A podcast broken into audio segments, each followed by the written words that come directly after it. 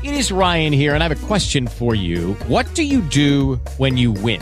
Like, are you a fist pumper? a woohooer, a hand clapper, a high fiver. I kind of like the high five, but if you want to hone in on those winning moves, check out Chumba Casino. At ChumbaCasino.com, choose from hundreds of social casino style games for your chance to redeem serious cash prizes. There are new game releases weekly, plus free daily bonuses. So don't wait. Start having the most fun ever at ChumbaCasino.com. No purchase necessary. VGW. Void were prohibited by law. See terms and conditions. 18 plus. Znasz takie powiedzenie do trzech razy sztuka? Z moim dzisiejszym gościem, Agnieszką Papajżołyńską, spotkałyśmy się w podcaście Co we freelancie piszczy już dwukrotnie. Opowiem o tym zresztą za chwilę. Dziś jednak okazja jest wyjątkowa. Agnieszka bowiem właśnie wydała swoją pierwszą książkę, podcast w biznesie.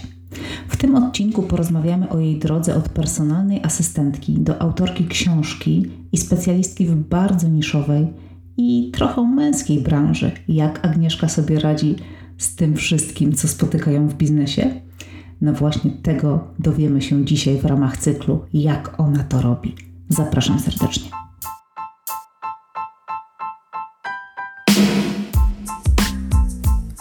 To podcast dla tych, którzy chcą działać mimo strachu, obaw, lęku i opinii innych. Podcast dla wirtualnych asystentek freelancerów i każdej osoby, która chce wziąć życie w swoje ręce, chce zacząć działać, chce prowadzić firmę i zarabiać godne pieniądze. To podcast dla tych, którzy mają dość etatu i pracy dla kogoś. Dla mam, które nie chcą wracać do korpo i chciałyby pracować z domu. Dla tych, których kręci bycie przedsiębiorcą. Jak prowadzić firmę, być najlepszym w branży i nie zwariować? Zapraszam serdecznie. Karolina Brzuchalska, Pretty Well Done. Cześć Agnieszko, witam Cię serdecznie w kolejnym odcinku podcastu Co we freelancie piszczy. Część z naszych słuchaczy na pewno już Cię zna, ponieważ gościłaś w moim podcaście dwukrotnie. Za pierwszym razem rozmawiałyśmy o mentoringu i o tym, co Ci w ogóle dało w drodze do wirtualnej asysty wtedy jeszcze a za drugim razem o tym, jak sobie radzisz z pracą z małym dzieckiem w domu. Dzisiaj jednak mamy dla naszych słuchaczy prawdziwą gratkę, bo porozmawiamy o klientach niszowych. I z tego co ja wiem, część z naszych słuchaczy również chciałaby tutaj pracować w niszy. Więc idealnie się składa. Opowiemy o zarabianiu na swojej pasji, no i o Twojej pierwszej książce. Zanim przejdę do pytań, które przygotowałam, powiedz nam proszę kilka słów, żeby się troszeczkę przypomnieć. Cześć wszystkim. Ja jestem tak, właścicielką marki Wing Person, w której wspomagam przedsiębiorców, jeśli chodzi o social media, natomiast główny nacisk w moim biznesie w tej chwili kładę na podcast oraz na pracę z językiem. No dobra, to słuchaj, wydałaś właśnie pierwszą książkę, podcast w biznesie. Skąd w ogóle wziąć pomysł na tę tematykę? Przecież do tej pory działałaś głównie w wirtualnej asyście, a tu nagle podcasty. Znaczy, podcasty towarzyszyły mi od samego początku w wirtualnej asyście, natomiast były jednym z elementów budowania mm, oferty dla klientów, a w pewnym momencie stwierdziłam, w sumie od początku chciałam to zrobić, ale nie od początku miałam taką możliwość. Chciałam zawęzić działalność nie do wirtualnej asysty, tylko właśnie do jakiejś jednej branży, w której będę specjalistą. A jako, że podcasty i mikrofon, w sumie praca z radiem jest ze mną od studiów, pomyślałam, że to będzie bardzo dobry kierunek. Powiedziałaś, że od studiów. W poprzednich odcinkach rozmawialiśmy o tym, że kończyłaś filologię rosyjską. Skąd nagle mikrofon w Twoim życiorysie?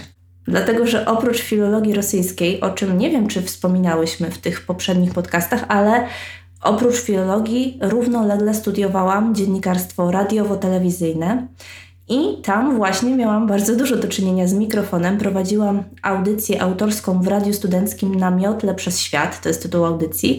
Było to Uniradio, czyli rozgłośnia radiowa Uniwersytetu Wrocławskiego i pracowałam też wówczas w Radio Luz, to było akademickie radio Politechniki Wrocławskiej, gdzie biegałam z mikrofonem i robiłam wywiady jako reporterka, ale też składałam własne materiały do wydań wiadomości no to to jest całkiem solidna podstawa, bo tak naprawdę wydaje mi się, że podcasty taki największy boom zaczęły zyskiwać całkiem niedawno, z rok może czy dwa lata temu. A ty z tym mikrofonem masz do czynienia już dobrą dekadę prawie. Znaczy miałam tam, wiadomo, małą przerwę pomiędzy na, na pracę na etacie, która trochę się przedłużyła. Natomiast tak, mikrofon mi towarzyszył przez długie lata. Pracowałam też jako stażystka w Radiu Zachód, więc zawsze chciałam jakoś wiązać swoją przyszłość z radiem. Myślałam, że to będzie faktycznie radio, że po studiach będę chciała aplikować do Radia Wrocławskiego. Natomiast no, potoczyło się moje życie trochę inaczej. Wylądowałam w Gdańsku, ale jak już zaczęłam myśleć nad swoją marką, marką, nad swoim biznesem, to chciałam jednak wrócić do tych korzeni, no bo one się znikąd nie wzięły, tak? Moja marka też się nie wzięła znikąd i to, że przez kilka lat na etacie wykonywałam coś innego, to jednak z jakiegoś powodu ten etat mi tam ciążył i chciałam zmienić tę ścieżkę zawodową na tę, która naprawdę jest zgodna ze mną. A to są właśnie podcasty i praca z językami. No właśnie, ale też nie od początku swojej działalności działałaś z podcastami, prawda? Dopiero gdzieś po kilku miesiącach e, zaczęłaś oferować tę usługę. Skąd to się w ogóle wzięło? Dlatego, że na początku chciałam zacząć działać i chciałam zacząć działać w miarę szybko, i wirtualna asysta tutaj była dla mnie czymś naturalnym, dlatego że w swojej pracy na etacie wykonywałam dużo zadań, które mogły też się przydać moim klientom. I to był taki szybki start. Może nie do końca taki błyskawiczny, że rzuciłam etat i od razu zaczęłam robić y, coś w kierunku swojego biznesu. To się jednak trochę przeplatała się praca na etacie z moim rozpoczynaniem działań w wirtualnej asyście, ale wiedziałam, że ta wirtualna asysta jest dla mnie tylko jakby środkiem do utrzymania się, a nie moją jakby perspektywą. To nie było to, co ja docelowo chciałam robić. Natomiast chciałam zacząć na swoim i to był taki dobry punkt, taki Taka trampolina. Tak, taki, taki moment, żeby po prostu zacząć i potem na spokojnie móc zacząć budować coś innego, wiedząc, że zaplecze, że poduszka finansowa jest jakby tutaj zabezpieczona i nie muszę się o to martwić. Natomiast zaczęłam też od swojego podcastu. Chciałam najpierw przećwiczyć wszystkie te kroki na sobie, żeby móc to oferować klientom i wiedzieć, jak to faktycznie wygląda, żeby nie było tak, że daję im jakieś teoretyczne wskazówki, które może 10 lat temu były skuteczne, a teraz już nie są, tylko faktycznie, że robię to samo, przeszłam tę ścieżkę i dzięki temu mogę im pomóc, bo wiem, z jakimi można się mierzyć wyzwaniami, co można zrobić inaczej, łatwiej i jakby to doświadczenie pomoże im też to robić w, w łatwiejszy sposób i tak się tym podcastem nie stresować. Ale to też jest prawda, bo w jednym z odcinków e, serii, z której teraz nagrywamy, czyli jak ona to robi, ja rozmawiałam z Ewą Popielarz. I Ewa opowiadała innymi o swojej Akademii Korekty Tekstu, ale też mówiła o tym, że ona stale robi korekty książek, bo nie wyobraża sobie nie praktykować, uczyć kogoś, nie praktykując jednocześnie. I u Ciebie ta ścieżka wygląda tak samo. Myślę, że to jest tak naprawdę najlepsze rozwiązanie, bo dajesz klientowi coś, z czym jesteś na bieżąco. Ale też mogę stale się rozwijać i oferować im coraz nowe rzeczy, dlatego że podcast się bardzo, bardzo szybko rozwija w ostatnim czasie, w ostatnich latach i myślę, że to jest dopiero początek, więc gdybym sama nie była na bieżąco, to moja wiedza w którymś momencie by się po prostu wyczerpała i przyszłyby następne osoby, które by były na bieżąco z tym, co się zmienia, z trendami, a ja bym została w tyle. A w momencie, kiedy sama regularnie nagrywam podcast, regularnie też sprawdzam nowinki z podcastowego świata i staram się obserwować osoby związane z podcastami, to mam tę wiedzę z pierwszej ręki, mogę ją potem przetestować i od razu przekazać klientom to, co jest mm, takie najlepsze na start, trochę przefiltrowane, żeby też ich nie zarzucić jakimiś, nie wiem, technicznymi kwestiami, no które bardzo niestety zniechęcają do tworzenia podcastu, a niesłusznie. No dobrze, to teraz porozmawiajmy chwilę o książce, bo podcast jest takim medium bardzo hmm, medialnym. ja wiem, jak to brzmi, ale dobrze, niech tak zostanie. A książka z kolei jest takim medium tradycyjnym. Czy trudno jest napisać książkę o czymś, na czym tak naprawdę znasz się świetnie, ale z drugiej strony, czy nie lepiej byłoby nagrać podcast? Podcast to jest jeden z elementów, na bazie którego budowałam treści do mojej książki. Natomiast kiedy myślałam o tym, jaki materiał chciałabym przekazać moim klientom, jak chciałabym im pomóc w nauce podcastowania czy we wdrożeniu podcastu do ich biznesów, to od początku wiedziałam, że to nie będzie kurs i ta książka jest, z jednej strony jest zgodna ze mną, dlatego że sama ukończyłam filologię, wiążę swoją przyszłość też z tworzeniem książek, czy też y, mam też na koncie kilka przetłumaczonych książek, współpracowałam z różnymi wydawnictwami, a z drugiej strony jest takim ukłonem w stronę osób, które nie lubią być zalewane kursami, dlatego że tych kursów jest w tej chwili bardzo dużo i będzie ich zapewne więcej i mam wrażenie, że my już nie chcemy kursów, bo one są bardzo rozwle- rozwleczone, rozciągnięte w czasie. A książka jest takim atrybutem, który możesz wziąć ze sobą, możesz go wziąć do torebki, możesz pojechać z nim na urlop, na wakacje, możesz sobie coś pozakreślać i wiadomo, że to nie jest, to nie jest praktyczny jakby poradnik. Tak, to nie jest praktyczny poradnik, natomiast jest to taki wstęp, który pomoże Ci w jednym miejscu zebrać wszystkie informacje i potem zacząć praktykować albo praktykować na równi z książką. A w momencie, kiedy masz kurs, no to nie przerobisz go w 5 minut, nie zrobisz tego jednocześnie. Owszem, może są filmiki czy instruktażowe jakieś materiały krok po kroku, jak to zrobić, ale jednak chciałam stworzyć coś, czego jeszcze nie ma dla osób, które taką formę lubią. Ja myślę, że dużą zaletą książki jest również to, że bardzo łatwo w niej wyszukiwać informacje. Czyli jeżeli wiesz, że coś było w jakimś rozdziale, a u Ciebie jest nie tylko um, słowniczek, nie tylko narzędziownik, ale też wiele innych informacji plus ćwiczenia, no to łatwiej jest wrócić do konkretnego fragmentu w książce niż na przykład w e-booku, bo w e-booku również można czytać, czy w audiobooku, czy właśnie w kursie. Nie? No, szukanie w kursie konkretnej jednej informacji jest dosyć trudne mimo wszystko. I do tego mam wrażenie, że książka jest też takim elementem budowania marki, który jest fajny, taki wdzięczny, bo możesz ją wziąć, możesz ją pokazać, możesz otworzyć, przekartkować i wskazać palcem fragment, w którym coś jest napisane. I mm, w kursie tak tego nie zrobisz, no bo co, zrobisz screen i zamieścisz screen, to już nie jest to samo. Możesz zamieścić jakiś fragment, jeżeli chcesz ujawnić. Natomiast książka jest takim elementem, który faktycznie bierzesz, pokazujesz, masz zawsze przy sobie i poza tym, no ja uwielbiam zakreślać w książkach poradnikowych, więc jeśli ktoś jest fanem też takiego zaznaczania informacji, pisania na marginesach, nie wiem, niektórzy twierdzą, że nie należy pisać po książkach, ale akurat w workbookach myślę, że to jest jak najbardziej wskazane, no to to jest taki fajny element, który możesz mieć właśnie przy sobie i z niego w ten sposób korzystać. A wszelkie jakieś, nie wiem, warsztaty, kursy, mastermindy i tak dalej mogą być potem uzupełnieniem tej książki, ale ona daje taką kompleksową podstawę, która jest niezbędna, żeby zacząć. Mhm. Podcast w biznesie. Z jednej strony prowadzisz firmę, z drugiej strony masz solidne wykształcenie właśnie w kierunku podcastowym, no bo pracowałaś w radio, masz wykształcenie dziennikarskie. Czy to pomogło Ci przy pisaniu książki właśnie? Z jednej strony pomogło, dlatego że miałam jakąś bazę, warsztat pisarski, jeśli o to chodzi. Jako tłumacz też muszę stale pracować nad swoim warsztatem pisarskim, zwłaszcza przy języku rosyjskim, gdzie bardzo łatwo jakieś kalki językowe, o jakieś takie zapożyczenia i tak dalej. Więc tutaj jakby, jeśli chodzi o swobodę pisania, to tak. Natomiast jeśli chodzi o przekazywanie informacji, to tutaj kij ma dwa końce. I muszę przyznać, że parę razy utknęłam, dlatego że ciężko się pisze o czymś, co robi się na co dzień i nie zastanawia się nad tym, dlaczego to się robi, dlaczego to się robi w taki sposób, jak w ogóle wykonuje się pewne czynności. Kiedy montuję podcast, wiem, jakie kroki mam wykonać, czasami robię je zupełnie bez zastanowienia, jaka, jaka jest przyczyna, ale kiedy już dajesz tę książkę komuś, i chcesz coś wytłumaczyć komuś, a jeszcze do tego osobie dorosłej, no to musisz zrobić krok do tyłu i rozłożyć tę czynność na czynniki pierwsze, opisać ją w jak najbardziej zrozumiałych słowach i to wiesz doskonale, bo jako redaktorka książki wiele razy pisałaś mi uwagi, napisz to łatwiej, sformułuj to inaczej, odbiorca tego nie zrozumie.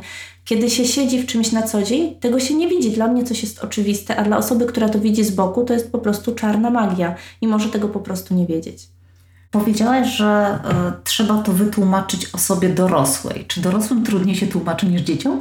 Myślę, że tak, bo dzieci, dzieci zadowalają się, może to jest brzydkie słowo, ale zadowalają się taką informacją, krótką na początek. Na przykład, nie wiem, mój pięciolatek spyta mnie o jakąś rzecz, do czego służy, nie wiem, na przykład sekator i ja mu wytłumaczę, że sekator służy do cięcia trawy czy do przycinania krzaczków jest okej, okay, nie? I dobra, na razie mi ta informacja wystarczy. A, ale potem jest, a dlaczego, a dlaczego, a dlaczego, a dlaczego i dopytuję. Natomiast osoba dorosła, mam wrażenie, że chce przyswajać, po prostu przyswaja mniej informacji, więc gdybym się tak rozwlekała w tej wypowiedzi, to by tego nikt nie doczytał, bo by to było za nudne, za bardzo szczegółowe. A myślę, że dorośli potrzebują takiej skondensowanej wiedzy, ale konkretu bez lania wody. Ja myślę, że potrzebują takiej wiedzy, którą mogą wykorzystać natychmiast, po prostu. Jak powiesz dorosłemu, co to jest sekator, on zapyta, do czego to służy i nie będzie pytał, a jaki ma kolor, a jakiej jest wielkości, a czy może być mniej ostry albo bardziej ostry. Pięciolatki lubią o to pytać, to prawda. Powiedz dla kogo pisałaś swoją książkę? Kto najbardziej skorzysta z tej lektury? Przede wszystkim książka skierowana jest do osób początkujących, które z podcastem nie miały wcześniej do czynienia. Być może go słuchały albo słuchają nawet bardzo dużo, ale nigdy wcześniej go nie tworzyły, nie wymyślały tematów, nie określały odbiorców, nie wykonywały tych wszystkich kroków od pomysłu przez nagranie, montaż do promocji swoich odcinków.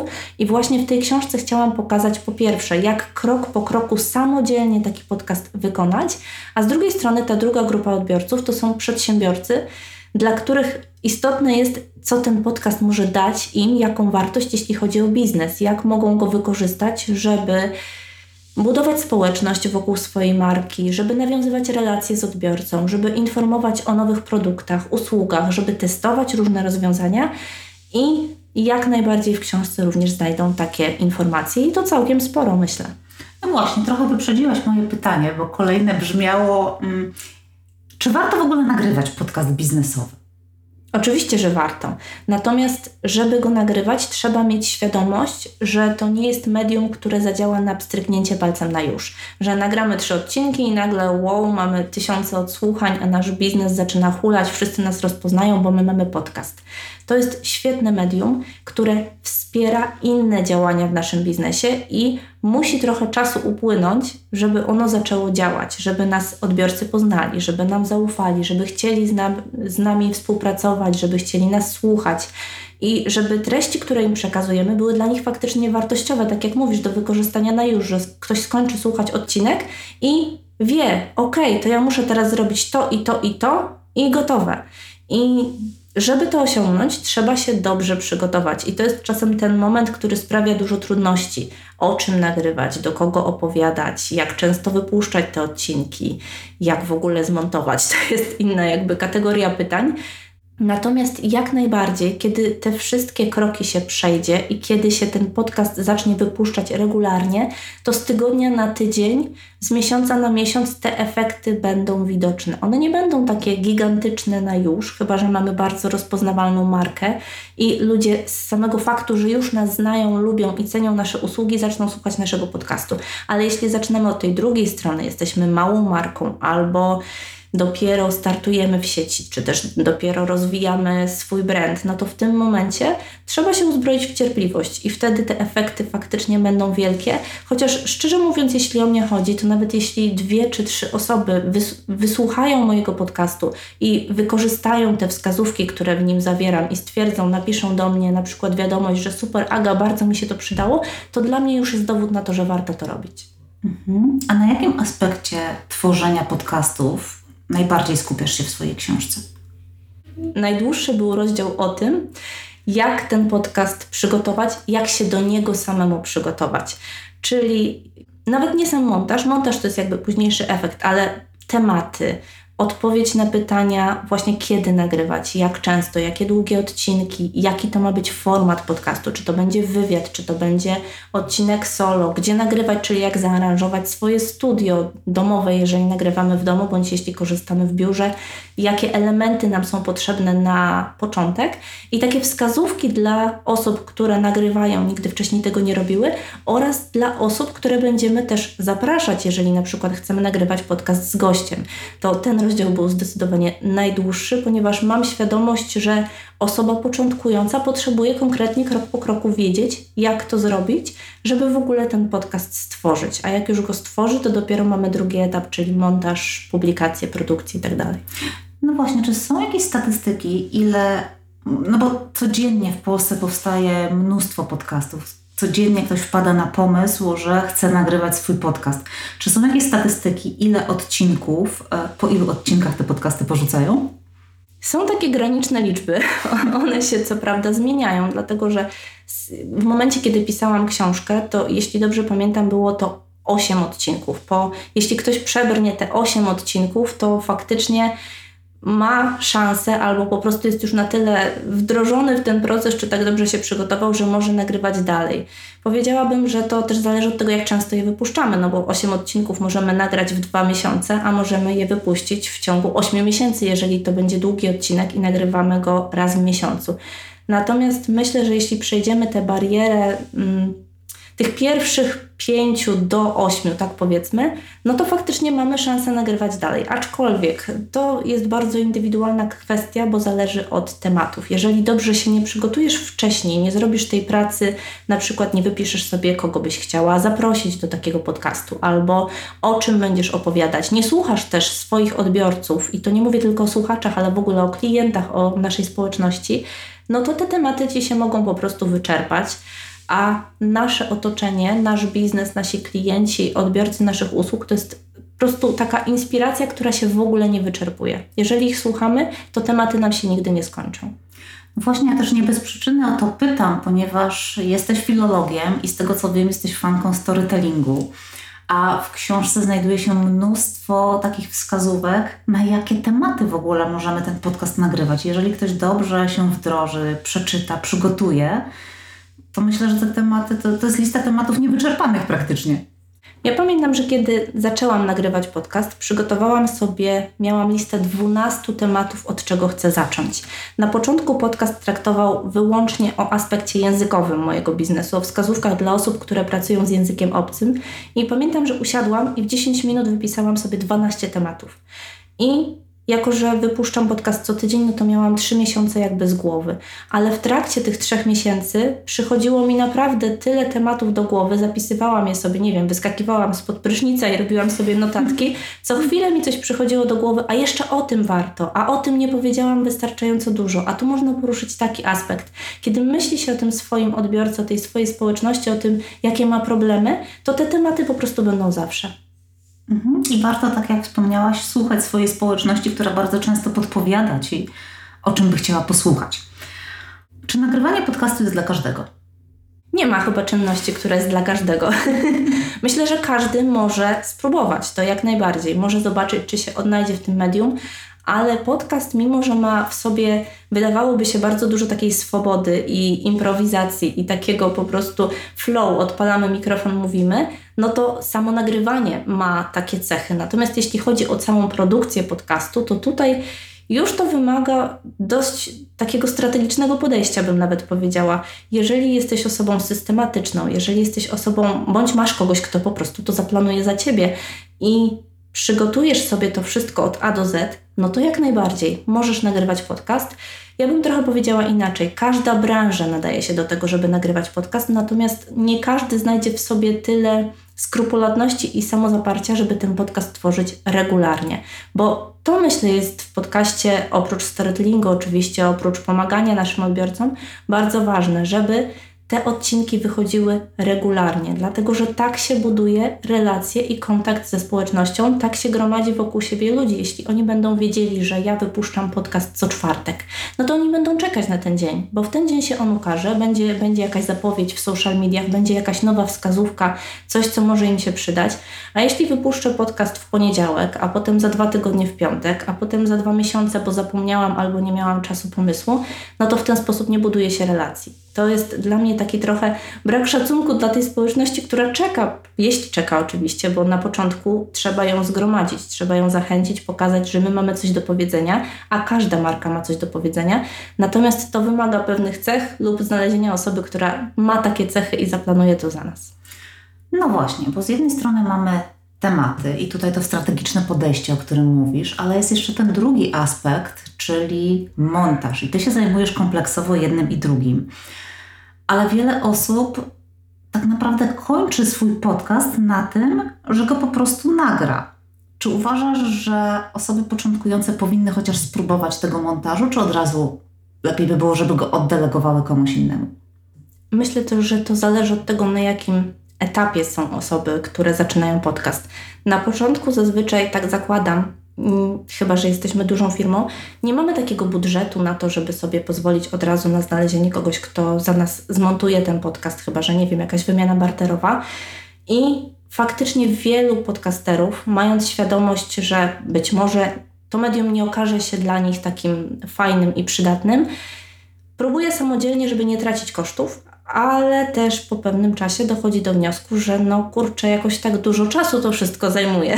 No bo jeżeli produkujemy podcast solo, tak jak moje odcinki na przykład trwają około 20-25 minut maksymalnie, i przygotowanie takiego odcinka z montażem, z przygotowaniem notatek do podcastu, publikacją i tak zajmuje mi około 4,5-6 godzin. No to wyobraźmy sobie teraz wywiad, który trwa godzinę. Trzeba go zmontować i przygotować, nie wiem, transkrypcję, jeszcze przesłać może do autoryzacji, zebrać od osoby, z którą przeprowadzamy wywiad wszystkie materiały, żeby opublikować je w sieci czy opisać ten podcast. No to to jest lekką ręką, myślę, 15 godzin i to się wydaje, że okej, okay, nagram tutaj jedną godzinkę, ale cały ten proces z backstage'u tak jakby, no to to jest bardzo czasochłonny, więc rozumiem, że na początku chcemy sprawdzić, nie chcemy jeszcze inwestować za bardzo w ten podcast, bo podcast może mieć bardzo niski próg wejścia.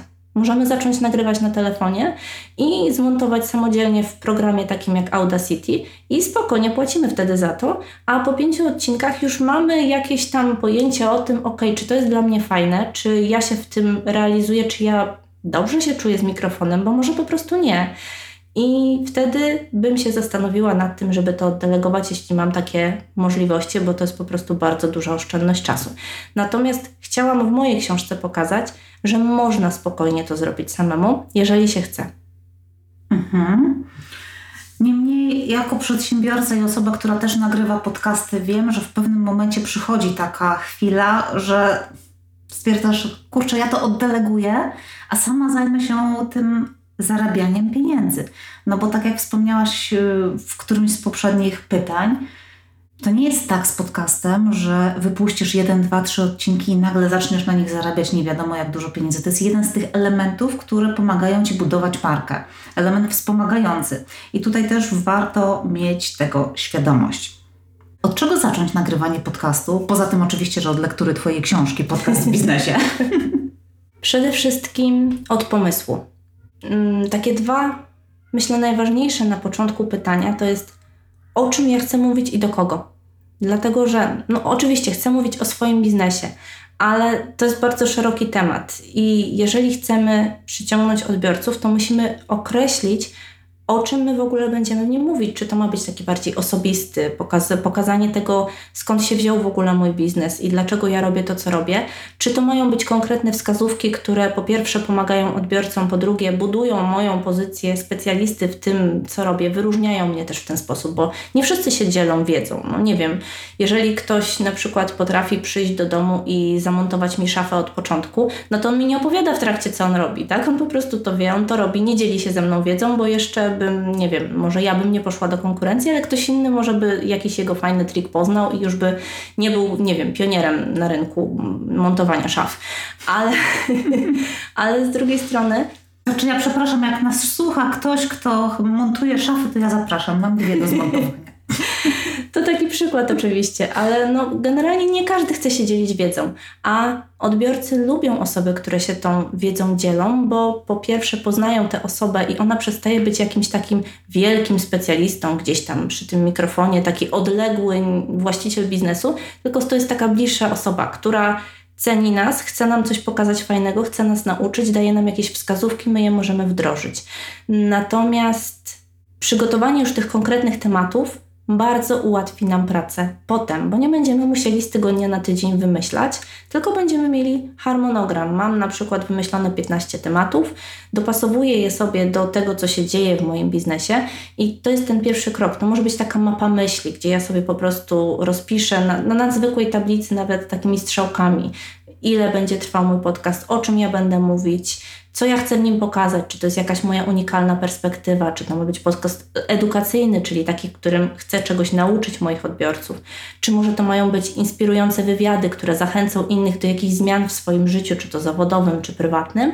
I to jest ten pierwszy, pierwsze pytanie, pierwszy element, a druga rzecz, do kogo ja w ogóle mówię.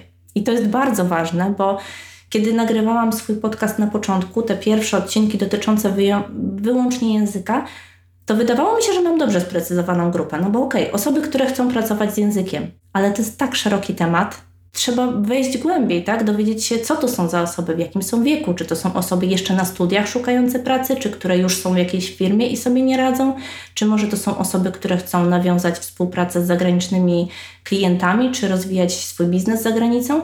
Trzeba swojego odbiorcę znać naprawdę dobrze, bo tylko wtedy będzie można mówić naprawdę do niego. Ja sobie zawsze wyobrażam, że do kogoś mówię i myślę, że wielu podcasterów tak robi. Myślę, że się ze mną zgodzisz. Masz tego słuchacza, widzisz tego swojego idealnego odbiorcę i w tym momencie wiesz, że jeśli powiesz taką, a inną, mm, przygotujesz taką, a nie inną treść, no to ty do niego dotrze. Bo ty go znasz, ty wiesz, gdzie on słucha, kiedy słucha, wiesz, ile ma czasu na ten podcast, czy robi to w pracy, czy w transporcie publicznym, czy na przykład skupia się wieczorem i ma kartkę papieru i może sobie coś notować, czy może słucha, bo to mu dostarcza rozrywki, jakiejś takiej odskoczni od codziennych zadań jeżeli nie zrobisz tej pracy wcześniej, nie dowiesz się do kogo ty mówisz, no to będziesz tak naprawdę na ślepo trochę celować. Myślę, że to jest tak samo jak w biznesie. Jeżeli nie określisz swojego klienta, no to możesz mieć złoty strzał, a możesz nigdy nie trafić na tę właściwą grupę, jeżeli tej pracy nie wykonasz. To prawda, na podcast też trzeba mieć strategię. Mm, I to jest z jednej strony dobra wiadomość, a z drugiej strony dla tych, którzy nie lubią tworzyć strategii, no to może być trochę e, odstraszające. Jakie podcasty montujesz najchętniej? Takie, z których sama mogę coś wynieść, oczywiście. Czyli... I nie jest to mikrofon. tak, aczkolwiek mikro, kilka mikrofonów mam na oku i jak widzę zdjęcia, kiedy ktoś nagrywa, to bardzo zazdroszczę. Natomiast z mojego mikrofonu jestem bardzo zadowolona, nie ukrywam. Dzisiaj nagrywam gościnnie, więc nie jest to mój mikrofon. Zobaczymy. Bardzo jestem ciekawa w ogóle tej drugiej strony, jak to będzie brzmiało. Zawsze mnie to fascynuje, na, na czym ktoś nagrywa. Natomiast lubię mieć to poczucie, że jestem pierwszym słuchaczem u kogoś i jeżeli mogę wynieść z tego jakieś treści, głównie przedsiębiorcze, czyli takie, w jaki sposób ja mogę też rozwinąć swój biznes, jak mogę coś planować, takie o planowaniu, o strategii, to bardzo lubię, bo u mnie z tą strategią to jest tak, że jak już raz ją ustaliłam, to bardzo trudno jest mi elastycznie coś w niej zmieniać, a wypadałoby tak badać rynek, co się zmienia i tak dalej. I takie są bardzo fajne. Mo może nie może nie rozwojowe, dlatego że treści rozwojowych uważam, że jest teraz bardzo dużo i jak już mam wybrać taki podcast, to już bardziej konkretny, na, na przykład właśnie dla freelancerów czy dla osób, które pracują z językiem obcym, a najbardziej oczywiście lubię podcasty po rosyjsku o samym języku, bo to jest jakby moja druga pasja. Natomiast jeśli chodzi o to, co montuję, to lubię treści związane z reklamą w social mediach, lubię treści związane z planowaniem czasu przedsiębiorcy, z pieniędzmi, jak można zwiększyć swoje dochody w biznesie. Myślę, że już trochę tak utkwiłam w tych biznesowych treściach i też takich mam klientów, dla których takie treści montuję. Mhm. A zobacz, nagrywasz swój podcast, montujesz podcasty dla innych. Czy słuchasz też podcastów dla rozrywki? Słucham dla rozrywki, ale nie tak dużo. Więcej słuchałam podcastów, kiedy ich nie montowałam. I to jest. Miałaś prawda. więcej czasu. Tak, miałam więcej czasu, ale też więcej ochoty, mam wrażenie. Teraz słucham już bardzo wybiórczo, dlatego że podcastów zrobiło się bardzo dużo, a będzie ich jeszcze więcej. I bardziej cenię też swój czas. Dlatego, że pracując we własnej firmie nie mam tego czasu aż tak dużo, żeby sobie po prostu scrollować na przykład Spotify i wyszukiwać, a dzisiaj może mam ochotę na coś, nie wiem, o gotowaniu. Bardziej już wybieram coś, co mi jest w danym momencie y, potrzebne. Na przykład, nie wiem, planuję jakąś kampanię, tak jak przy książce, planuję jakąś kampanię i potrzebuję przygotować reklamy, no to sięgnę po podcast, który jest z tymi reklamami związany. To pasowuje to też do tego, co mi jest w danym momencie potrzebne. Natomiast dla rozrywki, tak typowo dla rozrywki, no to słucham podcastów językowych, najczęściej po rosyjsku. Ale językowych w jakim kontekście? O języku. O języku. tak, okay. mój ulubiony podcast jest właśnie o, o zmianach, jakie następują w języku rosyjskim przez lata. Czyli jak wyglądał rosyjski 20 lat temu, jak wygląda teraz, gdzie szukać wskazówek i tak dalej.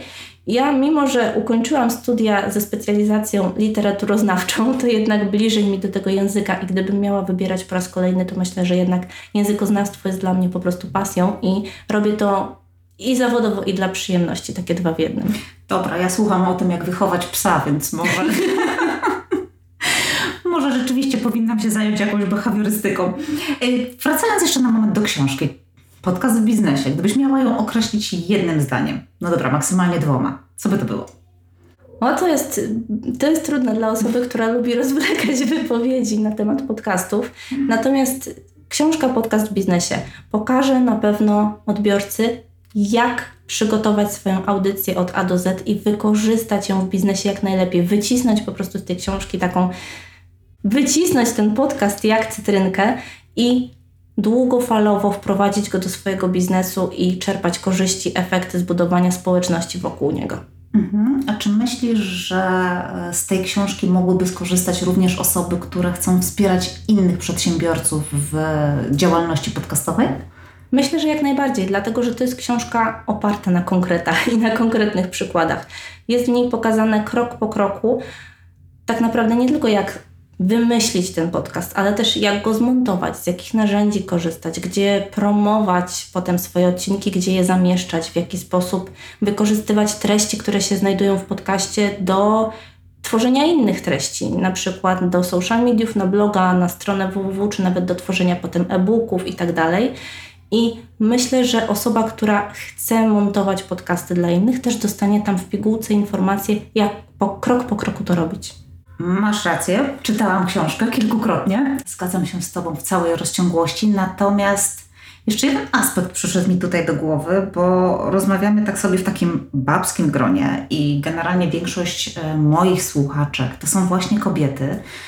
A mówimy tutaj o takich aspektach bardzo technicznych i ja chyba nie znam żadnej innej kobiety, która y, montuje podcasty w, tak, w takim zakresie, jak ty to robisz, która tak bardzo ma tę wiedzę tak bardzo poszerzoną. Czy nie było ci się trudno odnaleźć w takim męskim gronie troszeczkę, bo jak sobie spojrzę na to grono podcasterów, to ta są, tam są jednak głównie panowie. Ja myślę, że utarło się stwierdzenie, że panowie się lepiej znają na technikaliach. Natomiast nie mogę się z tym zgodzić, bo jeśli kobieta chce się czegoś nauczyć, to się po prostu nauczy. Więc... Znaczy ja myślę, że każdy, jeżeli chce się czegoś tak, nauczyć, to się tego nauczy. Oczywiście, o, więc to jest kwestia motywacji, tak? Jeżeli chcesz, to się nauczysz. Natomiast jest to trudny biznes. Trudno jest się odnaleźć wśród panów, dlatego że to się właśnie opiera, myślę, na sposobie przekazywania informacji. Nie generalizując, ale jednak myślę, że tak jest, panowie operują bardziej specjalistycznym językiem. Nie każdy potrafi wytłumaczyć coś w taki sposób, że osoba laik, osoba, mhm. która nie wie nic o podcastach, zrozumie, co się do niej mówi. Dla mnie to też jest trudne. I kiedy pisałam książkę, musiałam parę razy się poważnie zastanowić, czy skonsultować z redaktorem, czyli tutaj w tym wypadku z Tobą, czy to, co ja mówię, na pewno jest zrozumiałe dla osoby, która nie wie na przykład, co to jest kompresja, equalizer, odszumianie, nawet royalty free, jeśli chodzi o muzykę. Nie wszyscy to wiedzą. Mi się wydaje, że powinni, ale no to jest moje założenie, tak? A myślę, że panowie, kiedy operują językiem technicznym, to też myślą, że to jest, no ja wiem o co chodzi, no to ty też wiesz o co chodzi. Natomiast faktem jest, że mam wrażenie, że mamy większe zaufanie do mężczyzn, którzy montują podcasty, niż do kobiet. To jest może krzywdzące, dla mnie jest bardzo krzywdzące. To jest bardzo krzywdzące, tak. ale tak mi, bo tak mówiąc o tych podcastach, trochę mi się nasunęło takie porównanie do mechaniki samochodowej, gdzie ja nie znam żadnej kobiety, która by była mechanikiem, aczkolwiek jestem pewna, że gdyby się taka znalazła, byłaby naprawdę świetna. Na pewno by była, ale to jest tak jak z prowadzeniem samochodem. Prowadzeniem samochodu. Mam wrażenie, że kiedy mężczyzna montuje podcast, to jest moje założenie w tej chwili. To skupia się całkowicie tylko na tym. A my, kobiety, mamy mnóstwo takich rozpraszaczy zewnętrznych. Nie wiem, ja na przykład pracując w domu, jednocześnie zajmuję się dzieckiem, jednocześnie myślę o tym, że zaraz będę miała zakupy. Tutaj jeszcze muszę to dziecko odebrać z przedszkola. W międzyczasie gdzieś tam mi się pralka mieli, byle nie w trakcie podcastu, bo będzie słychać, ale mamy, jesteśmy multizadaniowe i nie skupiamy się, rzadko się skupiamy, tak mi się wydaje, na jednej czynności w danym momencie. Natomiast u mężczyzn to działa nieco inaczej. Oni się bardzo koncentrują na tej jednej czynności i przez to szybciej się chyba mniej specjalizują. Natomiast to jest moje założenie oczywiście. Mhm. Tak mi się jednak wydaje, że tak jest.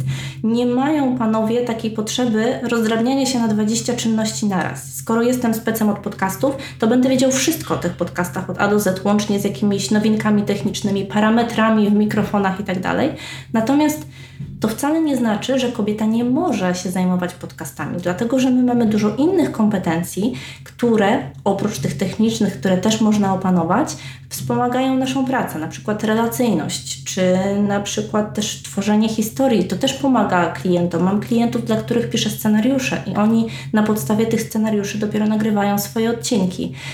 Natomiast to jest właśnie kwestia operowania językiem. Ja staram się nie operować w ogóle słownictwem branżowym i kiedy pojawiam się w męskim gronie, być może nawet mam, a myślę, że mam taką wiedzę jak oni. Może nie osoby, które są w branży 10 lat, ale jednak myślę, że jestem na podobnym poziomie, ale operuję innym językiem i już mogę się czuć przez to troszkę dyskryminowana, tak? Bo nie używam tych pojęć. I ja chciałam przypomnieć, że ty jesteś w biznesie już dobrych kilka lat, bo jednak skończyłaś to dziennikarstwo i masz wykształcenie, y, no powiedziałabym, bardzo predestynujące cię do tego, żeby z tymi, tymi podcastami się zajmować. Znacznie większe nawet. Pozwolę sobie na taką opinię, ale znacznie większe niż większość osób, które te podcasty nagrywają, no bo jednak no, ja nie kończyłam dziennikarstwa, miałam tylko jeden semestr na studiach yy, i szczerze mówiąc nie znam, znam może dwie osoby, które są po dziennikarstwie, a które nagrywają amatorskie podcasty. A Twoje wykształcenie predestynuje Cię do tego, żeby no, móc mówić na ten temat bardzo dużo i z takim powiedziałabym, z dużym doświadczeniem, z dużą praktyką i z bardzo dużą wiedzą. Ale teoria teorią. Czy planujesz jakieś dalsze projekty dla osób, które chcą się zaangażować w podcasty? Jak najbardziej planuję. Oczywiście, że tak, dlatego że moja książka jest takim punktem wyjścia do rozpoczęcia pracy nad podcastem. Myślę, że po takiej części teoretycznej przydałoby się trochę praktyki. I właśnie nad taką usługą pracuję, aby pomóc osobom, które już wiedzą, że chcą, które już mają jakąś bazę, a nawet jeśli nie, to i tak będą mogły w praktyce przećwiczyć, jak stworzyć ten podcast Także jeżeli ktoś będzie zainteresowany i będzie chciał pogłębiać wiedzę podcastową, to bardzo zapraszam do moich social mediów, bo myślę, że już całkiem niedługo pojawią się tam nowe informacje. Tak, my tutaj wszystko podlinkujemy, Aga ładnie opisze, bo nie wiem, czy wiecie, ale Aga będzie montować ten odcinek podcastu. Ja ją tak wykorzystam nie tylko jako gościa w moim odcinku, ale też jako osobę, która go zmontuje. Czy chciałabyś dodać coś jeszcze? Ja na koniec jeszcze bym chciała dodać, dlatego że wiem, że Twoimi odbiorczyniami są głównie kobiety. Nie bójcie się tych podcastów. Ja mam wrażenie, że my kobiety bardzo się boimy krytyki i tego, że ja się na przykład bardzo boję krytyki i tego, że panowie będą krytykować to, że ja mówię o podcastach. Panie też będą. Tak, panie też będą, ale to była bardzo duża moja obawa, którą musiałam przepracować, kiedy pracowałam nad książką. I myślę, że z tego powodu parę razy utknęłam, bo chciałam, żeby ona była doskonała. A nie da się stworzyć produktu doskonałego, da się stworzyć kompletny, kompleksowy, który opisuje zjawisko ze wszystkich możliwych stron, chociaż zawsze się znajdzie coś, co można dopowiedzieć i potem tworzyć na tej podstawie nowe produkty. Natomiast nie bójcie się spróbować, bo to spróbowanie ono nic nie kosztuje. Wystarczy nam telefon, wystarczy nam dyktafon, wystarczy nam najprostszy program do montażu, żeby sprawdzić. A myślę, że kobiety w biznesie mają mnóstwo do powiedzenia i podcast może być dla nich świetnym medium, żeby też się przećwiczyć, dlatego że wtedy nie musisz też mówić bezpośrednio do kogoś. Nie mamy odbiorcy, nie jesteśmy z odbiorcą twarzą w twarz, a możemy się dzielić wiedzą, zawsze możemy zastopować, coś powtórzyć i w efekcie będzie perfekcyjnie. Nawet jeśli nagranie nie będzie idealne, no to po prostu zróbcie ten pierwszy krok. No i nie ma tej presji, że kamera się na nas patrzy, czyli że trzeba mieć makijaż, nie wiem, że nie można się świecić na nosie albo czymś takim. Po prostu bierzemy mikrofon i opowiadamy historię.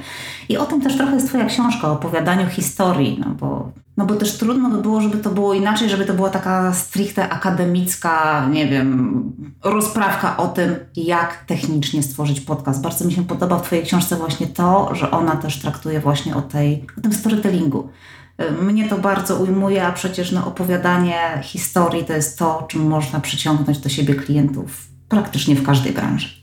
Tak, w słowie tkwi bardzo duża moc i można to słowo wykorzystać na wiele sposobów. Słowo pisane to jest jedno medium, ale nie wszyscy są wzrokowcami. Są osoby, które lubią słuchać i nasz podcast do nich dotrze, dlatego że będą słyszeć nas takich, jak jesteśmy. Czasem, nie wiem, jak nagrywam, jestem zmęczona, jestem czasem troszkę przeziębiona jak dzisiaj i ten głos już jest inny, ale ja jestem w podcaście sobą.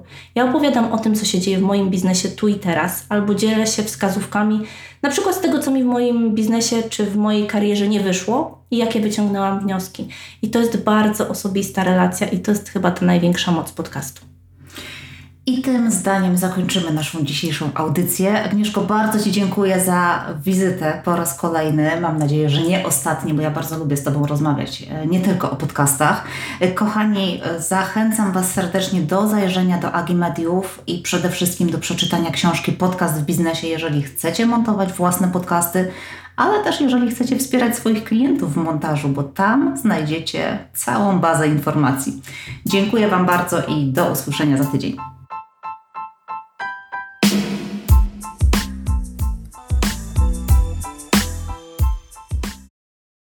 Hello, it is Ryan, and I was on a flight the other day playing one of my favorite social spin slot games on chumbacasino.com. I looked over the person sitting next to me, and you know what they were doing? They were also playing Chumba Casino. Coincidence? I think not. Everybody's loving having fun with it. Chumba Casino is home to hundreds of casino style games that you can play for free anytime, anywhere, even at 30,000 feet. So sign up now at chumbacasino.com to claim your free welcome bonus. That's chumbacasino.com and live the Chumba life. No purchase necessary. Group. Void prohibited by law. See terms and conditions. 18 plus.